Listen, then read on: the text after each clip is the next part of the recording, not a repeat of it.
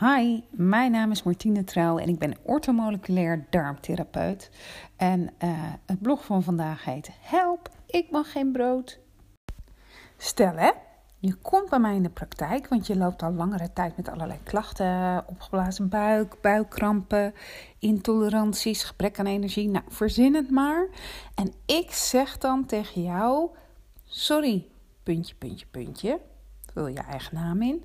Ik denk dat het goed voor jou zou zijn om gluten, die dus in tarwe, spelt, rogge, kamoet en gerst zitten, een tijdje helemaal uit je voeding weg te laten. Hoe erg schrik je dan? Is dat A. Totaal niet, want dat doe ik eigenlijk altijd al. B. Ik heb het wel al af en toe geprobeerd, dus ik heb wel een idee maar ik kan je hulp goed gebruiken. Of C, nee, blijf met je tengels van mijn boterham, want ik heb geen idee wat ik alles moet eten. Nou, laat me je heel even geruststellen. Ik hou van gluten.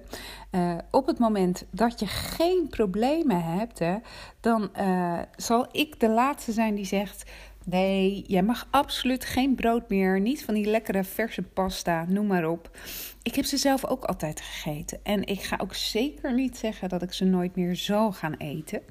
Alleen soms dan kan het beter zijn om ze een tijdje te laten staan. Nou, had je mij ooit verteld dat ik ze niet meer zou eten, dan had ik je waarschijnlijk vertwijfeld en enigszins gestrest aangekeken. En toch is het zo. Op het ogenblik eigenlijk al uh, een hele, hele tijd, eet ik glutenvrij. En dat is niet vanzelf gegaan. Dat is een lange reis van vallen en opstaan geweest. Maar ik weet zeker dat als ik het kan, dat jij dat ook kan. En voor het geval je je nu afvraagt, hoe heb je dat dan in godesnaam voor elkaar gekregen? Dat is heel simpel, door te experimenteren. Dus door te onderzoeken en vooral te proeven en te ondervinden ik zeg altijd tegen mijn klanten, op het moment dat, ze dat, uh, dat ik dat voorstel, dat ik dat tegen ze zeg. Hè, want ik kan me heel goed voorstellen dat je dan denkt: ah nee, nooit meer een brood, uh, nooit meer een boterham. Hoe moet ik dat in godesnaam gaan doen? Dat je compleet blokkeert. Maar zie het als een ontdekkingstocht.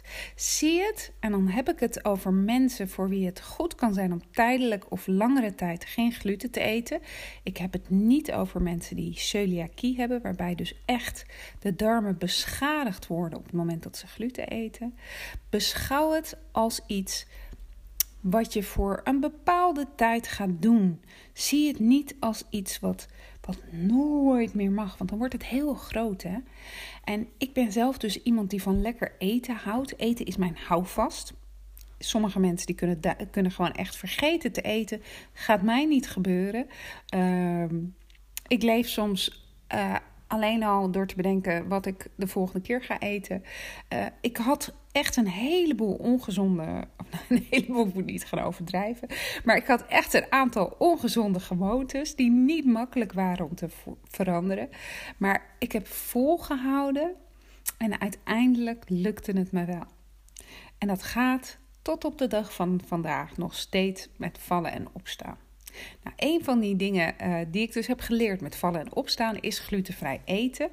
En dit is de top 3 met wat je vooral niet moet gaan doen. De eerste is: vervang je brood niet door crackers. Um, ik vraag wel eens aan mensen, of, of, ik hoor mensen wel eens zeggen van, uh, nee hoor, ik eet geen brood meer. En dan vraag ik aan ze wat ze dan eten. En dan is het antwoord soms uh, crackers. En dat zijn dan meestal crackers van Waza bijvoorbeeld. Of gewoon crackers die je in de winkel kunt, kunt kopen. Nou, brood vervangen door crackers, dat heeft geen enkel nut. Want ze zijn namelijk allebei gemaakt van tarwe. En ze bevatten dus beide gluten. Het tweede met wat je vooral niet moet gaan doen, is allerlei glutenvrije producten uit de supermarkt gaan kopen. Zorg dat je de ingrediëntenlijst goed doorleest. Um, want als je gaat kijken bij de glutenvrije producten die je in de gewone supermarkt koopt, dan zie je daar heel veel E-nummers staan. En je ziet ook een heleboel suiker erin zitten. Nou, dan ben je van het ene verlost, maar dan ga je over in het volgende, wat niet goed voor je darm is. En het derde in deze top 3, wat je vooral niet moet gaan doen, is thuis blijven zitten, omdat je denkt dat als je buiten de deur gaat eten, uh, dat je dan helemaal uh, uh, op je vork zit te kauwen, op een houtje zit te kauwen, omdat er niks te halen valt.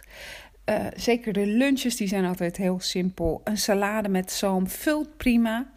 En is, mits er geen croutons in zitten, glutenvrij. Um, er zijn heel veel mogelijkheden. Uh, top 5 van glutenvervangers. Nou, wat mij betreft absoluut op nummer 1. Dat zijn de groentes. En zoals je hierboven al leest, een salade met zalm, die bevat geen gluten. Een stevige groentesoep met ballen, ook niet. Op nummer 2, een zadenbrood. En uh, ik zal zo wel zeggen wat er in het zadenbrood zit. Uh, maar je kunt ook even naar mijn website gaan en dan vind je onderaan het blog ook het recept. Uh, het kost je op zondag 20 minuten bereidingstijd. En dan nog even 35 minuten in de oven. En je hebt er de rest van de week profijt van. Op nummer 3, een rijstwafel. Zorg er echter wel voor dat je deze dik belegt met bijvoorbeeld notenpasta of tomatentapenade, kaas of avocado met zalm. Een rijstwafel bevat namelijk heel veel koolhydraten en die zal je bloedsuikerspiegel snel doen stijgen. Nummer 4, haver. En uh, ten onrechte wordt er vaak gedacht dat haver gluten bevat. Dat is niet het geval. Haver zelf bevat geen gluten, maar dat wordt wel vaak verwerkt in een fabriek waar ook tarwe verwerkt wordt. Dus daarom is haver zonder het glutenvrije logo niet geschikt voor mensen met celiakie. Want die worden daar echt ziek van. Maar voor ons gewone, uh, dat klinkt wel heel stom, gewone stervelingen, wij kunnen dat prima eten. En mocht je brood nou heel erg missen, dan kun je ook in de natuurwinkel een haverbrood kopen. En dat is echt een heerlijk zwaar brood. Het is ietsje stroger dan een normaal brood. Maar je hebt er maar één of twee sneetjes van nodig om vol te zitten. Wat dan wel weer fijn is, want het is niet namelijk niet heel erg goedkoop. Het bevat geen E-nummers en suikers. Overigens nog heel even terug over de uh, glutenvrije producten bij de supermarkt. Als je naar de, uh, een natuurwinkel gaat of een ecoplaza en daar op zoek gaat naar glutenvrije producten, die bevatten niet zoveel, of die bevatten geen E-nummers en ook niet zoveel suikers.